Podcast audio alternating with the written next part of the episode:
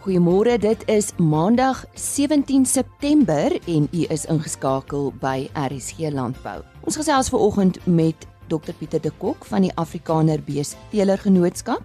Daar is nuus oor veilinge. Dan praat ons ook met die voorsitter van die landbou skrywers in Suid-Afrika oor haar besoek aan Nederland. Sy deel 'n paar interessante feite oor die landbou in daardie land en uh, ons praat ook oor die bewaring van ons voellewe. Eers dan die woord vir oggend Henny Maas. Ons praat nou met Dr Pieter de Kok, die president van die Afrikaner Beestelers Genootskap wat onlangs hulle kongres en uh, veiling gehou het. Uh en uh, tydens uh, die geleentheid het hy ook 'n uh, bietjie uh, eintlik die sluier gelig op wat op uh, die uh, Afrikaner bees ras wag aan die toekoms. Net so ietsie oor die veiling. Hoe het dit gegaan met die veiling Pieter? Uh ja, goeiedag. En nie uh weet jy wat ons het 2 uh, jaar terug mos uh, die Afrikaner Expo gehad waar ons 'n Expo veiling gehad het uh in Pretoria en ons het die plan gehad om dit op die ou internasionale veiling te maak. Dit is nou 2 jaar later en die nasionale veiling het dan nou plaasgevind uh by Kroonboma daar in Kroonstad. En ja, ons was verraggies. Eh, dit ek is nou 30, 40 jaar by die Afrikaner Genootskap en ek dink dit was seker ons mees suksesvolle veiling. Ehm um, ons uh, bulle die lotte wat verkoop was was 25 wat op die veiling was met 'n gemiddelde prys van R60000 per bil. Die hoogste prys was 135 en die vroulike diere wat omtrent 60 lotte was, was die gemiddelde R30000 per vroulike dier. Almal was natuurlik dragtig en ehm um, die hoogste prys was so R60000. Ons omset was 2.6 miljoen. Nou uh dit was 'n uh, 'n groot mylpaal in ons in ons bestaan. Uh jy weet 'n uh, hele klompie jaar terug was daar 'n regtig 'n uh, donker toekoms vir die Afrikaner gewees. So ons is regtig op pad om nou uh nuwe planne uh, wat wat ons gemaak het nou te dat realiseer. En hierdie veiling was maar nou net uh uh uh, uh die die die kersie op die koek. So dit gaan nou 'n jaarlikse instelling word en dan gaan ons met uh met hierdie veiling voortgaan. So dit is ons is baie bly en ek dink die resultaat was vir ons goed. En en jy het die sluier so 'n bietjie gelig op wat wag vir die ras, nê? Nee? Wel, en jy weet ons het in 2012 begin om uh 'n nuwe pad te loop met navorsing uh en alles wat daarmee gepaard gaan. Ons het ons eie bestuurende owerheid geword. Ons het uh uh aangesluit uh, as is na saam met die LNR dat hulle vir ons 'n uh, uh, klompie navorsing doen en uh artikels publiseer en al die klas van dinge. Nou het dit uh by 'n punt gekom wat ons nou moet sê, right, ons het bereik wat ons na gemik het en wat lê nou voor ons in die toekoms vir die volgende 5 jaar. So die dinge wat ons toe nou na gekyk het en wat ons beplan het as 'n aksieplan vir die volgende 5 jaar, uh, is ook maar vier dingetjies en dit is dat ons met die Afrikaner baie sterk in die genomika rigting gaan, die DNA profile gaan opstel vir die hele Afrikaner beesras. Ehm um, die die die die monsters wat nodig is is 6000 haar monsters en ons het al 'n hele end op die pad gevorder en dan gaan ons daarby dien haar monsters Die gene wat ons gaan soek gaan omtrent 10 gene wees wat gaan insluit die bevestiging van ons dubbel geen vir vleissagtheid, ook vrugbaarheid, melkproduksie, hittetoleransie en so kan ons aangaan maar hulle gaan spesifiek kyk om 10 gene te identifiseer wat eie is aan die Afrikaner ras. So ons gaan regtig voluit met die genomika en DNA profile. Dan 'n baie baie opwindende storie is dat ons 'n nuwe uh, prestasietoetsfase gaan ondersoek. Jy weet daar is mos die A en B vir prestasietoetsing fase C by die bilstasies, fase D by die die biltoets by die boer op die plaas en dan gaan ons nou werk aan 'n fase E toets wat 'n 24 maande toets is voordat diere bemark word. Ons gaan kyk vir markgereedheid, met ander woorde, vleissagtheid ja, maar skandering van vetbedekking en baie belangrik marmering. Dit ons het gevind dat as die Afrikaner op 'n ouderdom van 24 maande bemark word, is sy marmering optimaal en is die vleis dan op die lekkerste. So ons gaan met 'n hele nuwe fase toets begin wat afgesluit gaan word op 24 maande om dan na die markgereedheid van die Afrikaner beesvleis te kyk. En dit gaan ook deur die LNR vir ons gedoen word. Die derde ding is die uitbou van ons uh, AfriBeef um, projek. Uh, dit is nog in die kinderskoene soos ek al voorheen gesê het. Ons is nog klein, maar ons het nou 'n baie bekende afdelingswinkel wat vir ons AfriBeef op die op die rakke wil sit. So die AfriBeef gaan uitgebou word deur die hele Suid-Afrika dat 'n ou uh, etiket uh, vleis dis kan koop wat jy weet hier is kwaliteit vleis wat natuurlik nou nie stimulante antibiotikas en uh ongewenste elemente in dit nie wat lekker sag en sappig is en ons is ook gelukkig dat uh Namibië ook die Afribeef in hulle hele toerisme sirkel gaan ehm um, bekendstel op die 3de Oktober. So dis nou al in die hele suidelike Afrika en ons wil dit graag verder uitbou. En dan die laaste ding is natuurlik die die aanvraag na Afrikaner beesgenetika uh veral as gevolg van die hittetoleransie, die weerstand teen die aardverwarming van die Afrikaner beesras is nou wêreldwyd in aanvraag. So ons is besig om embryos uh uitvoer embrio uitvoere te te reël veral dan eers na Brasilië en Argentinië en ook dan na die noorde van van Afrika. So dit is die vier dinge en ek hoop as jy en ek nog uh, aan die lewe is en in die bedryf is dat ek oor 5 jaar of 3 jaar vir jou kan sê Henny weet jy wat ons genomika ons fase E toets Afri beef en ook ons uitvoer van die Afrikaner bees wat 'n trots Suid-Afrikaanse inheemse beesras is uh, was suksesvol. So ons gaan hard werk daaraan, maar dit is ons pad vorentoe vir die volgende klompie jaar. Daar sê kort en kragtig, uh, hele interessante uh, amper wil ek sê 'n wending wat vir die Afrikaner plaasvind, die Afrikaner beseras. Dit was aan Dr Pieter de Kok, die president van uh, die Afrikaner beseras genootskap. En nou is dit tyd vir veiling nuus. Op die 18de September is daar 'n uh, double XA vleismerino veiling op Amersfoort in Mpumalanga. SA vleismerino skape word opgevou deur BKB Louet. Die 21ste Noord-Kaap Brahman Klub veiling vind op die 19de September plaas by die Vryburg skougronde Vryburg.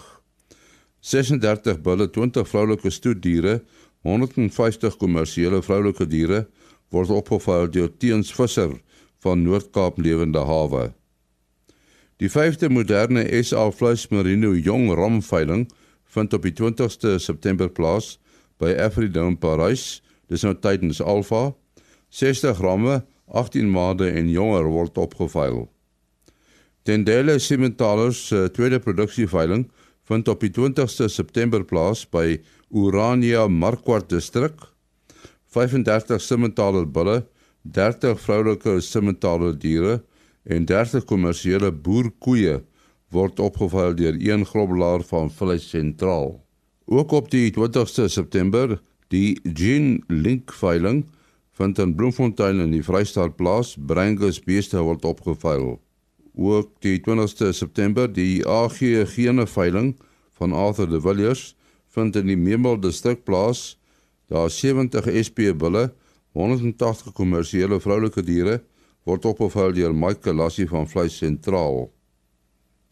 Op die 21ste September is daar die Certified Wagyu veiling by die Atterbury Theater Pretoria Wagyu beeste word opgeveil deur BKB Louet. Op die 22ste September is daar the best of the best produksieveiling.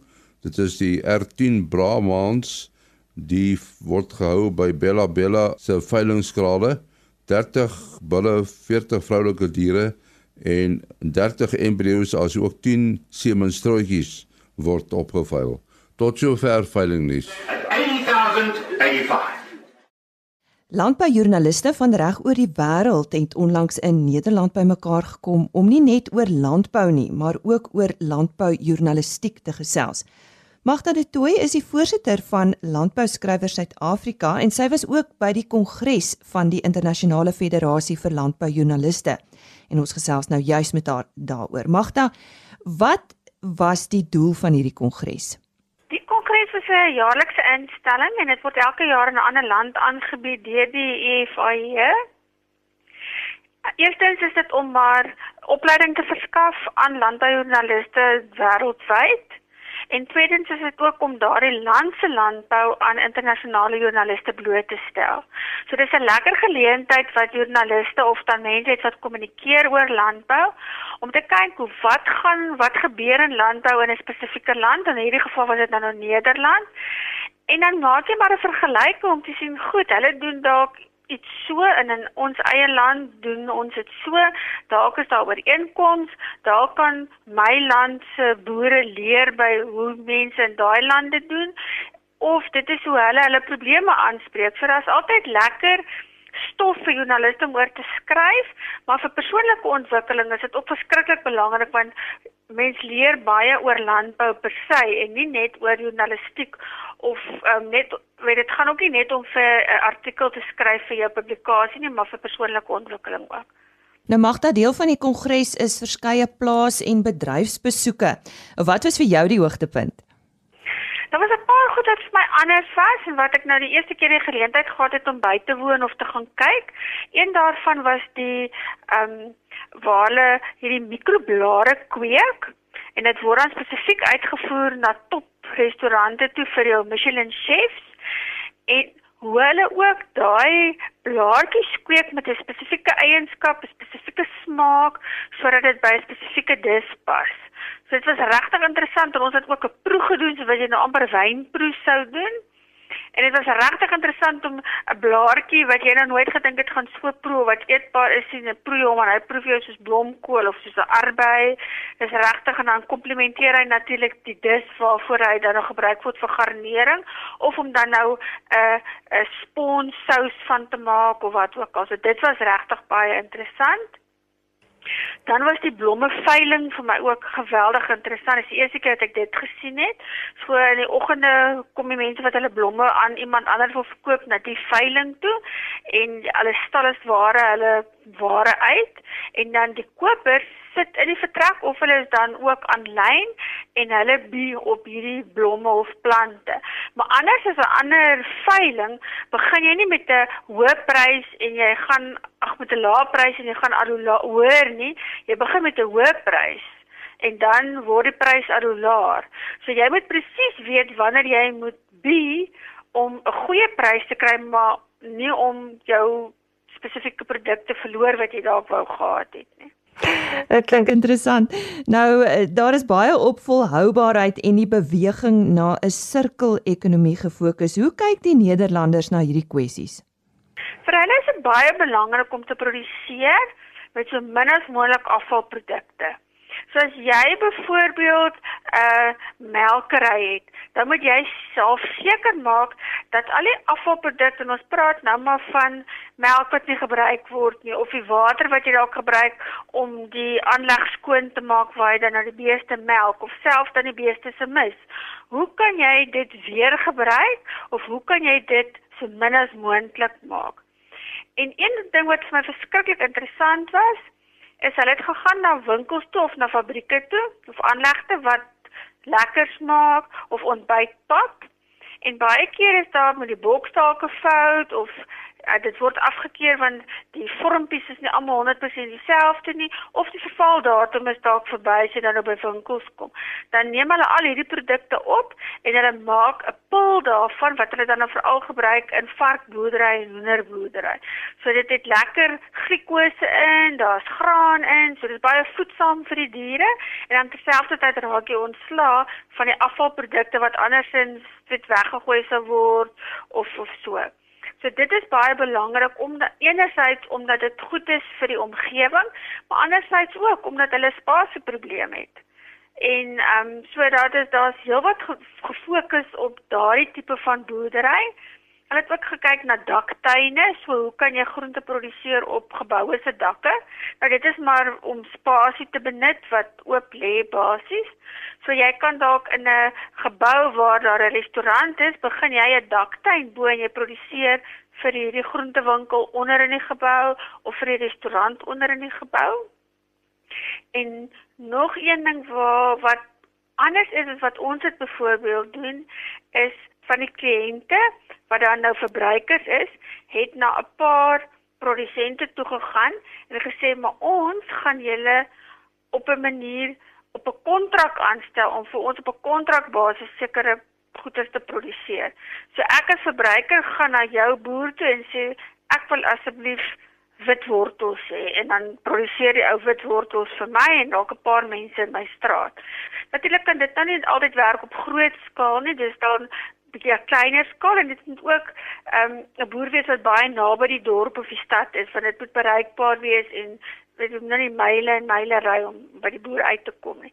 Maar dit is goed vir ons produsente na kan kyk en oor kan lees en daarby kan leer En dan kan 'n ou dalk sê, maar ek het al lankal gedink aan min of meer so iets en hier's nou 'n ou wat met 'n plan gekom het, daar kan ek dit implementeer in Suid-Afrika. Maar een ding wat my opval, alhoewel die verbruiker aan die een kant nader is aan die produsent in Nederland as gevolg van die spasie, so hy ry verby al hierdie blomplase, verby die groente met glashuise en so aan het hulle in 'n sekere mate 'n onregverdige verwagting van wat hulle wil hê uit landbou. So, as ek 'n voorbeeld kan gebruik, hulle wil arbeye hê sonder merkies. Perfekte arbeye wees, maar hulle hou nie van die glashuise wat hier staan nie, want dit is nie mooi om na te kyk nie. So, weet daar is baie goed waaraan dan nog aandag gegee moet word om te kyk hoe kan jy 'n sinergie kry teen wat die verbruiker verwag in party opsigte en wat werklik moontlik is aan 'n produsent se kant. Daar was byvoorbeeld by die kongres 'n vrou wat kom praat het en gesê het die oplossing vir alle um, omgewingsprobleme gaan wees as mense ophou om vleis te eet en net plante eet. Want dan het jy nie meer die beeste of skape of varke wat kos nodig het om te eet nie. So jy haal hulle nou van die van die lande af en jy weet dan kan jy nou net plante eet. Maar waarom sy nou byvoorbeeld nie gedink het nie, is daar baie kulturele dinge oor die eet van vleis. Um, geskiedenis, dit kom lank weet uit uit die geskiedenis van van mense uit. So daar daar is baie meer as net o, kom ons hou op vleis eet. So as jy nou nie vleis eet nie, waar gaan jy proteïene vandaan kry? En waar gaan jy melk vandaan kry? Presies. so dit is dit klink goed en ja, lekker, ja. maar dit is nie altyd mm. uitvoerbaar. So mm. in 'n sekere opsig, ja, jy kan dalk jou jou diere minder maak, maar nou maak jy die diere minder, nou moet jy ander proteïene produseer. So jy gaan in elk geval daai grond gebruik waar jy dalk nou veiding opgehad het. Mm moet jy nou iets anders opplaas. So dit gaan nie terug in die natuur nie. So dit is dis sulke goed maar dit dit veroorsaak lekker gesprekvoering. Jy weet, maak die vloer oop en joernaliste gesels onder mekaar en jy kyk weer met ander oë na hoe goed gedoen word en jy kom terug en jy dink maar ek moet skryf daaroor. So dit is 'n dis 'n lekker ondervinding om aan al hierdie goed blootgestel te word. Magda, ons moet haas afsluit net vinnig. Hoe lyk landbou oor die algemeen in Nederland? Dit is 'n mate anders as in Suid-Afrika. Dit is meer intensief. Ons het die die ehm um, luksheid van spasie wat hulle glad nie daai het nie. So waar jy ry in Nederland is glashuise of tonnels. So baie van die produksie gebeur baie intensief in glashuise. Dit is natuurlik ook te doen met die weer saam met die spasie um waar ons gewoond is aan baie meer oop velde, oop ruimtes, oop spasies. So dit is maar die, die grootste verskil as 'n ou weet vinnig in 'n neutedop dit moet opsom. En waar uh en wanneer is die volgende kongres? Die volgende kongres word in Amerika in die FSA gehou. En um daar in die Midweste gedeelte waar daar nou baie grane geproduseer word en dit sal as ek reg onthou is dit in einde Julie begin Augustus volgende jaar in 2019. Ons sê baie dankie aan die voorsitter van Landbouskrywers SA Magda de Tooy. Sy het vir ons vertel van haar besoek aan Nederland en sy was by die Internasionale Federasie vir Landbou Joernaliste. Ons uh, praat nou met Jan Vosloo, hy is bestuurder by die SA Vleismarino Genootskap en ons gaan met hom praat oor die SA Vleismarino jong ram veiling tydens Alfa. Ja, uh, tydens Alfa is nog 'n groot geleentheid vir julle, nê? Nee. Dis reg, Enie. Ehm um, ons het 5 jaar terug begin met die jongram veiling by die Parys Afridome en uh sê dat verlede jaar het, het Alfa toe geskuif na die na die tweede week in September uh wat toe saam met ons veiling val en ons toe die voorreg gehad om saam met hulle veiling te hou. En vanjaar is dit nou geskuif na die derde week van September. So dis ons tweede veiling saam met Alfa, maar dis die vyfde veiling soortgelyke veiling al in Parys by die Afridome.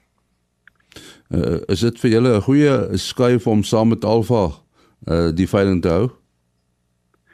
Ja, ons het 'n uh, uh, goeie reëling met Albert Loubser en die organiseerders en uh, verlede jaar was daar heelwat besoekers by ons veiling en ons verjaar het ons weer 81 ramme wat ingeskryf is vir die veiling is alles jong ramme onder 18 maande oud getoets vir vrugbaarheid en hulle vrugbaarheidssertifikate word op die dag van die veiling gegee aan die kopers en ons het 'n uh, seleksiekriteria is alles ramme uit top uh vrugbare moeders met bewese reproduksierekords.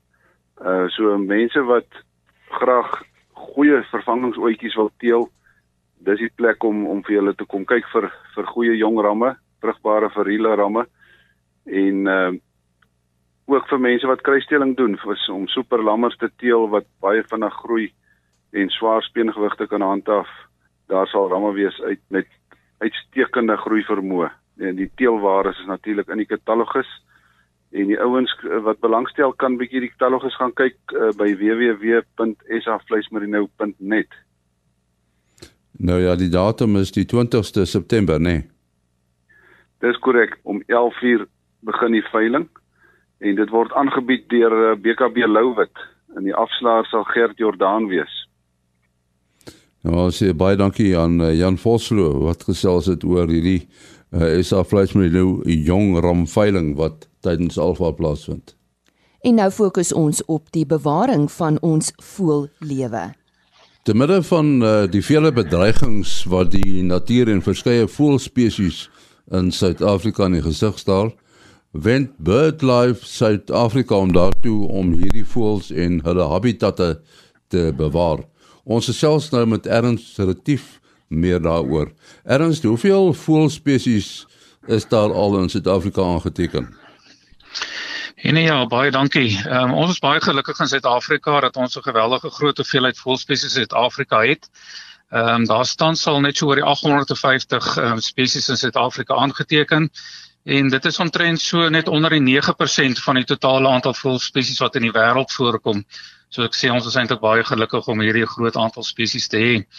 Nou ek moet sê baie van hierdie spesies ehm um, is miskien as 'n swerwers hier aangekom, so hulle is net een of twee keer in die verlede hier aangeteken.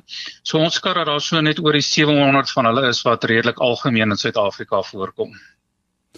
Uh, BirdLife Suid-Afrika het in uh, in 2015 dink ek die rooi databoek vir voëls gepubliseer. Is baie van hierdie spesies op die lys van bedreigde spesies? Ja, dit is ongelukkig so. Um, soos ek sê, ons is gelukkig om hierdie groot hoeveelheid voëls in ons land te hê, maar dit is ook so dat baie van hulle se getalle is besig om af te neem. Die rooi databoek wat in 2015 gepubliseer is, um, het 132 spesies gelys as bedreigd.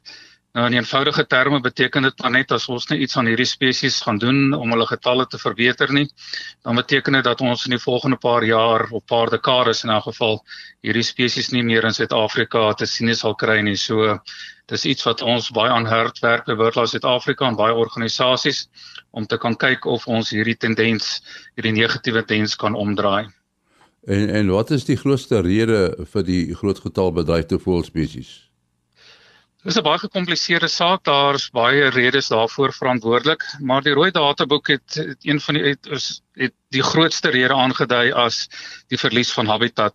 Nou mense wat navorsing doen oor voëls en wat voëls goed ken, weet dat voels ehm uh, veral die wat bedreig is hou van spesifieke habitatte. Mens kry byvoorbeeld graslandvoëls kom net in graslande voor. Ehm um, ons eende en swaan kom net in water voor en dan het ons natuurlik ons woudvoëls wat net in woude voorkom. En wat nou gebeur is as jy nou byvoorbeeld 'n spesifieke woud verloor, dan verloor jy al die spesies wat in daai spesifieke woud voorkom en daai voëls kan dan nie aanpas by ander habitatte nie. So dit is ongelukkig al hierdie verlies van graslande, ehm um, vlei lande en woude ensovoorts wat maak dat ons baie van ons spesies verloor. Soos ek sê daar's baie ander ehm um, faktore, mensgemaakte faktore, kraglyne en allerlei paai en allerlei ander dinge gestowwe wat 'n rede verskaf, maar die grootste rede bly maar die die verlies van hierdie belangrike habitatte vir voëls. En, en die rol van die landbousektor, uh, is dit 'n belangrike rol? Absoluut. Ehm um, ons het onlangs 'n bietjie navorsing gedoen byvoorbeeld met sekretarisvoëls. Ons het so klein satellietsendertjies op sit as ehm um, sekretarisvoëls se rugvag gesit. En wat daardie data vir ons bewys gewys het dat sekretarisvoëls kom in groot hoeveelhede op die graslande voor wat op boere se plase bestaan. Ehm um, so dit is maar net vir ons 'n baie mooi voorbeeld wat vir ons wys dat ons kan nie net deur formale formele bewaargebiede, byvoorbeeld plekke soos die Kruger Nasionale Park, hierdie voëls bewaar nie. Daar's eenvoudig te min um, graslande byvoorbeeld in hierdie parke om hierdie groot spesies soos sekretarisvoëls, kraanvoëls, bloukraanvoëls en ehm um, ander hoofvoëls te bewaar. Daarom is dit vir ons uiters belangrik dat ehm um, boere besef dat die natuurlike graslande wat op hulle plase voorkom is uiters belangrik vir die bewaring van hierdie voëls. Mens kry byvoorbeeld klein voeltjies soos die Drakensberg lewerik baie boere mag byvoorbeeld nie eens weet dat hierdie klein lewerik op hulle plaas voorkom en dis een van ons mees bedreigde voëls in Suid-Afrika. Ehm um, hy kom net op die graslande voor waar boere byvoorbeeld graslande bewy uh, met hulle beeste ensovoorts van die beeste hou die gras kort en dit is die soort van habitat wat hierdie lewerik van hou. So selfs die bewydingstegnieke, die brandtegnieke wat die boere ehm um, weet hulle mee besig hou om hulle plaas te bestuur. Ehm um, dit is selfs voordelig vir hierdie voëls En dit is daarom wat ons ook graag saam met boere wil werk om te sien hoe ons hierdie spesies kan bewaar deur te kyk na die manier ehm um, hoe hulle hulle plase bestuur. En hoe gaan julle met die boere te werk? Uh, is dit op 'n uh, nasionale grondslag of is dit uh, individue wat julle besoek? Hoe werk dit? Ja, so um, ons werk tans werk ek meestal in die omgewing van Mpumalanga in die Vrystaat en die twee provinsies, ehm um, veral in die graslande. En wat ons doen is is ehm um, wetgewing maak voorsiening vir dit verklaar vir bewarias of protected environments soos dit in die wetgewing staan. Dit is nou waar 'n boer ehm um, saam met die staat werk en en sy plaas ehm um, verklaar as 'n formeelde bewaarde gebied. Die lekkerte daarvan is die wetgewing sê dat die boer kan aangaan met sy normale plaasbedrywighede, maar ons vra dan vir so 'n boer byvoorbeeld om nie die natuurlike graslande op sy plaas um, om te ploeg nie, om die om die vlei lande skoon en netjies te hou en saam met ons te werk om te sien hoe ons die bedreigde spesies op daardie op sy eiendom kan um, beskerm. En ons het dan byvoorbeeld al die Greater Lakenvlei Protected Environment daar naby Daalstroom verklaar, die Sneeuberg Protected Environment in die omgewing van Nemel en ons is nou tans besig om oor die 22000 hektaar so formeel te verklaar in die omgewing van ehm um, in die Oos-Vrystaat en omgewing van Verkykerskop. So op hierdie manier kry ons ter duisende hektare wat ons uh, vir formeel verklaar en probeer natuurlik hou. En soos ek sê, die boer onderneem dan om saam met ons te werk om te kyk hoe hy hierdie ehm um, spesies op sy plaas kan ehm um, kan bestuur ensovoorts. Nee, ons sê baie dankie aan eh uh, Ernst Retief van BirdLife Suid-Afrika. Dankie Henny en dis dan al wat ons vir u het vandag. Skakel gerus môreoggend net so skuins na 05:30 in vir nog aflewering van RC Landbou. En dan gesels ons onder andere oor eh, konyne. Daar is 'n konynskou by die Agri Expo Livestock wat uh, eersdaags plaasvind. En ons praat ook met FNB oor hoe ver sal hulle gaan voor 'n plaas opgevuil word en ons verwys hier na twee plase in die Bultfontein omgewing wat uh, wel onlangs opgeval is. Dit is dan RC Landbou môreoggend. Totsiens.